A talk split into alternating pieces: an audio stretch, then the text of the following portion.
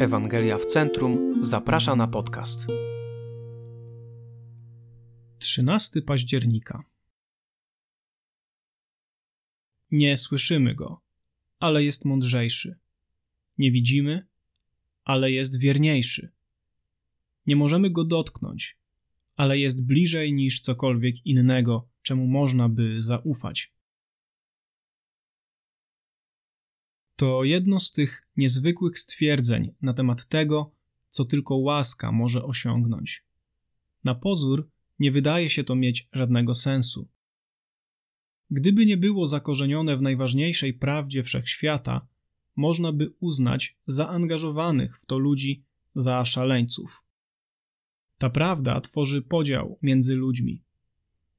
Apostoł Piotr mówi o wierzących, którzy żyją pomiędzy już a jeszcze nie, kiedy odnosi się do swojej relacji z Jezusem Chrystusem. Tego miłujecie, chociaż go nie widzieliście. Wierzycie w niego, choć go teraz nie widzicie. I weselicie się radością niewysłowioną i chwalebną, osiągając cel wiary zbawienie dusz. 1 Piotra 1, 8, 9. Zwróćmy uwagę na radykalny charakter tego, co powyższy fragment mówi na temat najgłębszych motywacji w sercach Bożych ludzi. Podłączyli swoją najgłębszą miłość, wiarę i radość do kogoś, kogo nigdy nie widzieli, nie słyszeli i nie mieli okazji dotknąć. Umieścili wszystkie nadzieje i marzenia w tym jednym, niewidzialnym. Ich relacja polega na przemieniającej życie miłości. Kiedy o nim myślą, doświadczają radości tak pełnej, że nie sposób tego wyrazić. Gdyby nie to, że najważniejszą prawdą ludzkiego istnienia, tą, która nadaje znaczenie wszystkim innym prawdom i faktom, jest istnienie, charakter i plan Boga, żadna z tych rzeczy nie miałaby sensu zrobiłbyś krok w tył, patrzył na tych wierzących, dochodząc do wniosku, że to szaleńcy z urojeniami. Ale oni nie zwariowali.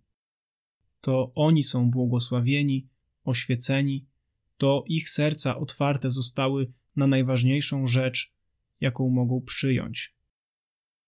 Tak właśnie działa łaska.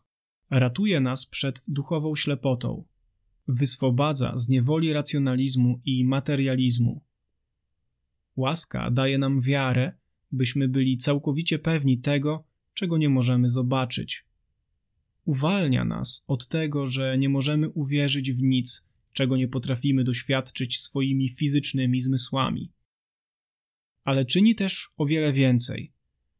Podłącza do niewidzialnego, we wiecznej relacji miłości która wypełnia nas radością, jakiej nigdy wcześniej nie zaznaliśmy i daje nam odpocznienie, które uznalibyśmy za nierealne. I ta łaska ciągle nas ratuje, ponieważ stale zapominamy, co jest ważne, prawdziwe i właściwe. Ciągle zwracamy się po pocieszenie do fizycznego świata.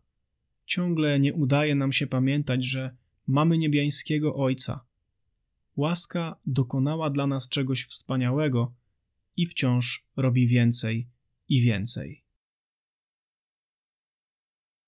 Dalsze rozważania i zachęta.